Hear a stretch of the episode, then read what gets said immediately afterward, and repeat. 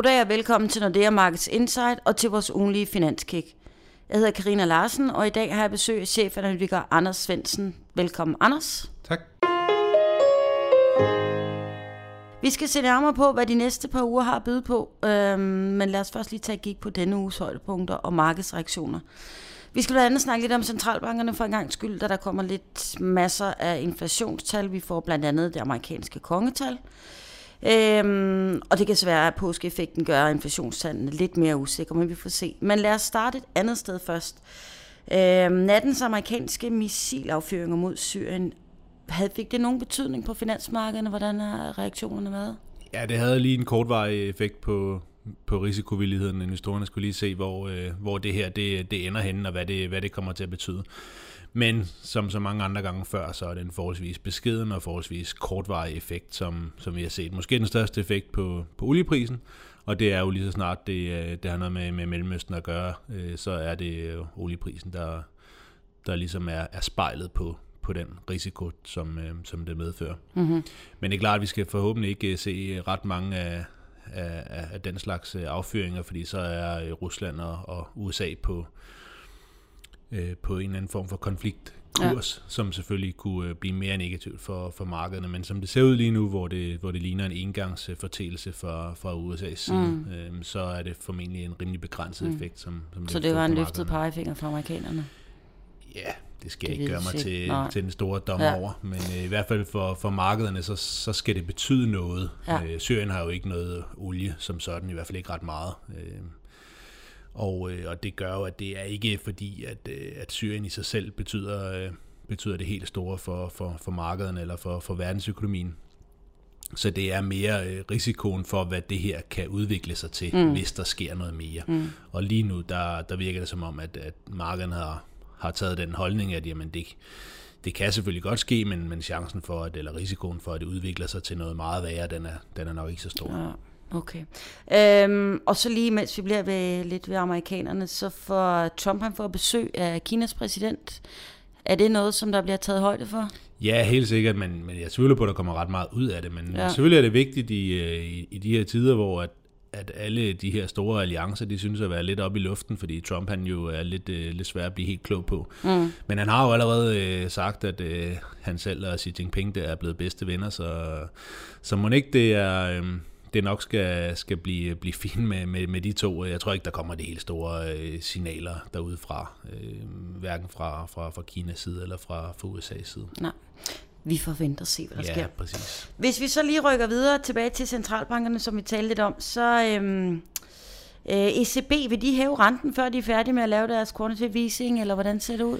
Ja, det har været det store tema de sidste par uger. Øh, der har været flere af ECB-folkene, især de her sådan lidt mere højagtige øh, typer i ECB, som begynder at se deres, øh, deres snit til at få, få sendt nogle kommentarer afsted til, til markederne. Og det er så det her spørgsmål om ECB, de i virkeligheden er nødt til at vente, til de er færdige med at lave, øh, lave QE, altså købe obligationer øh, op, øh, før de skal til at hæve renten. Og der har det været, øh, været spekuleret i, i markedet, at, at der måske godt kan ske noget inden. Øh, og det er ret, ret vigtigt, fordi ECB har allerede lovet, at de vil købe for 60 milliarder euro per måned i år. Mm. Og så skal de først til at, at trappe ned. Så det er formentlig de næste par år måske, at, øh, at vi har obligationsopkøb. Så hvis første renteforhold skal komme efter det, som er det, de før han havde lagt op til, så ligger første renteforhold i 2019 måske. Mm. Men hvis ECB begynder at ændre deres øh, holdning og, og tænker, at jamen, vi kan måske godt begynde at, at købe lidt op, ja, sludder vrøvle, og hæve renten lidt, øh, mens vi køber op, jamen så er det noget helt andet, fordi så, så ligger den første renteforhold måske ikke så langt ude i fremtiden. Mm. Øh, men jeg tror, at øh, nu kommer vi til at få inflations, øh, eller nu fik vi inflationstal her fra, fra øverområdet, som, som faldt lidt igen, så, så det tager nok lige toppen af, af den diskussion, og så har vi jo altså haft Draghi og flere andre ECB-folk ud og, og slå rimelig hårdt fast, at, at de skal først være færdige med at lave deres opkøb, inden de begynder at hæve renten. Mm.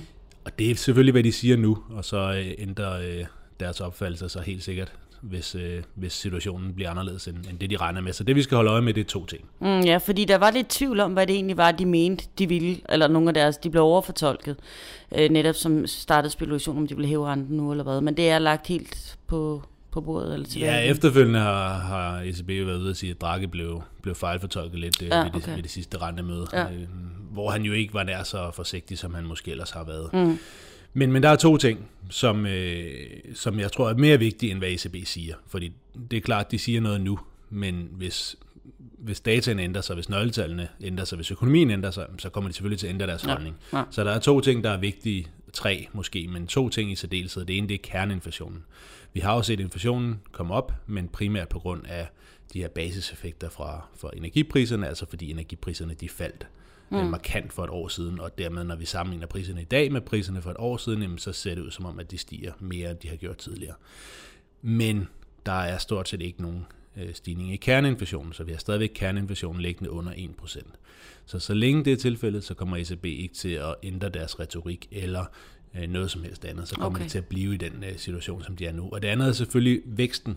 Og der kigger vi jo særdeleshed på de her PMI-tal, som er klart den bedste ledende øh, indikator for væksten i øvrigt, og de er tårnhøje, som det ser ud lige nu. Altså både i, i Tyskland, men også i resten af øvrigt. Og det er selvfølgelig derfor, at, at markederne begynder at spekulere lidt i det her. Kan der komme mm. en rente for os? Og det er også derfor, at nogle af de her høje i ECB, de begynder at, at føle, at, at vindene blæser lidt deres vej. Men det er altså kun en ud af, af to rigtig vigtige øh, faktorer. Så den tredje, hvis vi skal have den med, det er selvfølgelig det politiske. Øh, Men altså, det er jo lidt kortsigtet her med det franske valg, og Ja. så kommer der måske det italienske valg og så videre. Ja.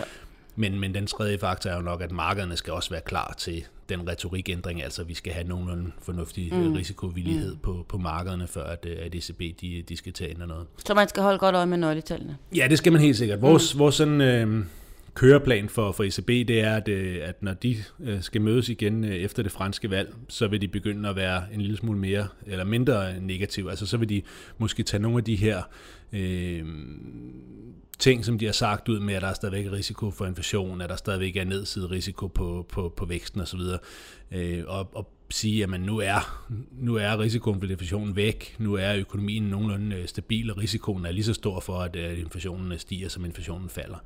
Og så tror vi, når vi kommer ind i efteråret, så skal de til at signalere noget om deres øh, obligationsopkøb for næste år, og så vil de formentlig signalere, at det kommer til at blive trappet ned fra, okay. fra januar. Ja.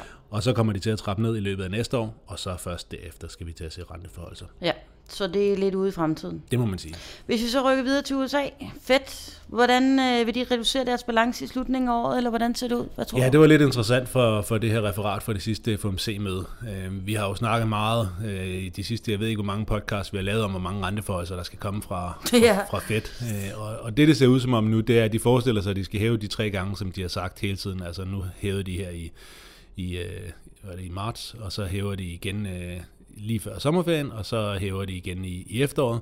Og så kunne der jo i princippet være plads til en, en fjerde, hvis det ellers var, at markederne de, de arter sig nogenlunde og, og kan, kan ligesom øh, tåle de første tre, der så vil være kommet i år. Men der begynder de nu at sige, at det kan være, at vi skal til at, at lade være med at geninvestere hele øh, vores, øh, vores øh, øh, obligationsbeholdning. Altså det er klart, at de har jo... Øh, købt, øh, købt op både statsobligationer og realkreditobligationer over de sidste rigtig, rigtig mange år. Men der er jo nogle af dem, der udløber, og der er selvfølgelig også øh, kupon, altså rentebetalinger på, på dem. Og som det er lige nu, der geninvesterer Fed det hele. Så selvom de faktisk er stoppet med at lave kvantitative lempelser, så holder de deres balance konstant ved at geninvestere alt det, der udløber.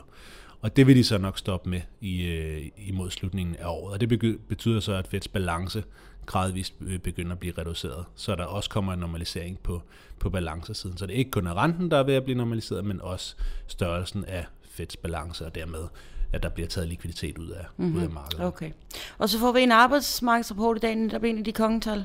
Ja, præcis. Og klokken er 10 minutter i 12 nu, og jeg Og det er lidt, øh, og det er fredag, og jeg er lidt øh, bekymret altid, når vi sidder her to timer før, øh, før tallet, fordi dem, der, der lytter, de, de ved formentlig, hvad det kommer ud på. Men vi tror faktisk, det kommer rigtig lavt ud den her gang.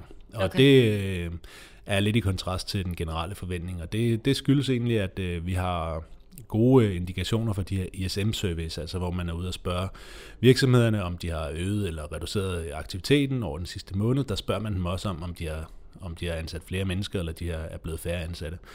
Og øh, fra, fra servicesektoren der, øh, i den her uge, der fik vi faktisk nogle relativt sløje tal for, for beskæftigelsen der. Så, så vi tror egentlig, der kommer et, øh, et lidt dårligt tal i dag, men at trenden nok skal være fin nok, mm-hmm. og nok Så det er ikke noget, der rykker markederne. jo, det, det gør det i dag, tror jeg. Hvis, Okay. hvis vi får ret, så tror jeg, vi får, øh, får en negativ, øh, negativ dag på, på aktier generelt.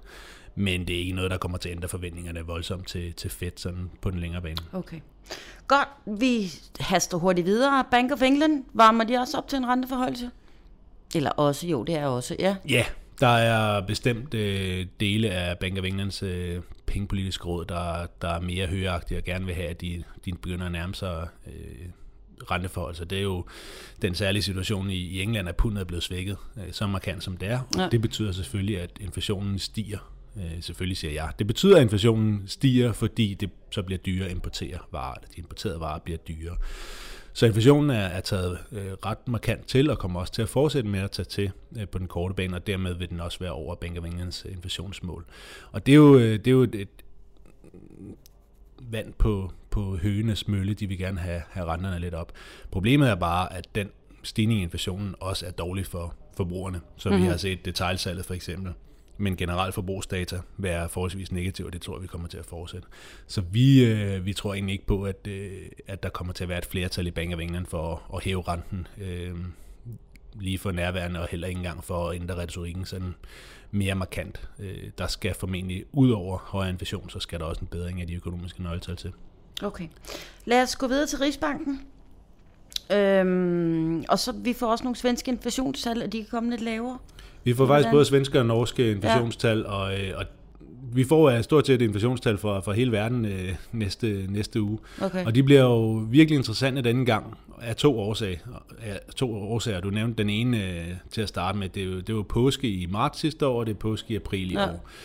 Og det gør jo, at når man så sammenligner priser, som jo, inflation er jo sammenligning af priser i forhold til for et år siden. Så når vi sammenligner priserne nu her for marts, så vil det være med marts sidste år, hvor der var påske. Og det kan blandt andet betyde, at sidste år der steg sådan noget som flybilletter og sådan nogle ferierelaterede ting, ja. fordi det var, det var påske. Så var der nogle priser, der steg. Og hvis de så ikke stiger i marts i år, fordi påsken først kommer i april, jamen så kommer det til at se ud, som om inflationen falder. Og det kan være årsagen til, at vi faktisk fik et ret markant fald i inflationen i Tyskland og resten af øverområdet i de her flash-estimater, som vi har, allerede har fået. Og det kunne egentlig godt øh, risikere at blive set i, i resten af, af Europa også, altså når vi får de her svenske, og når vi får de norske, når vi får de danske, når vi får de britiske i, øh, i næste uge. Og det vil især være vigtigt i, øh, i Norge, fordi kerneinflationen der er allerede faldet så markant, øh, over de sidste 6 måneder. Altså det er næsten 2 procentpoint lavere kerneinflation over 6 måneder. Og vi stadigvæk har en Norges Bank, som tror lidt mere at sætte renten ned end sidste gang ind over sommeren. Mm. Markederne tror ikke rigtigt på det. Okay. Kommer der endnu et lavt inflationstal derud af Norge, så tror vi måske, at markederne begynder at tro lidt på, på Norges Bank og begynder at prise, prise en, en rentenedsættelse ind. I Sverige er det måske lidt mere udramatisk. Det, det er måske stadigvæk en, en forholdsvis øh, stor, et stort fald i inflationen. Vi regner med, altså, vi regner med det her CPIF, som er, er Riksbankens inflationsmål, at det vil falde til 1,6 fra 2.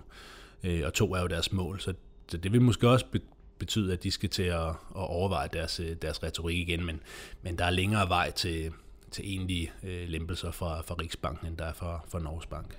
Okay. Tak skal du have, Anders, men øh, vi får nok en nøgle til at, at se frem til her Helt nu her. Og så vi to, vi vender tilbage med en speciel podcast på Emerging Markets efter påske. Okay. Ja, det bliver spændende, spændende. ikke? Ja, det gør det. så tak, Anders, og tak fordi I lyttede med, og på genhør efter påske.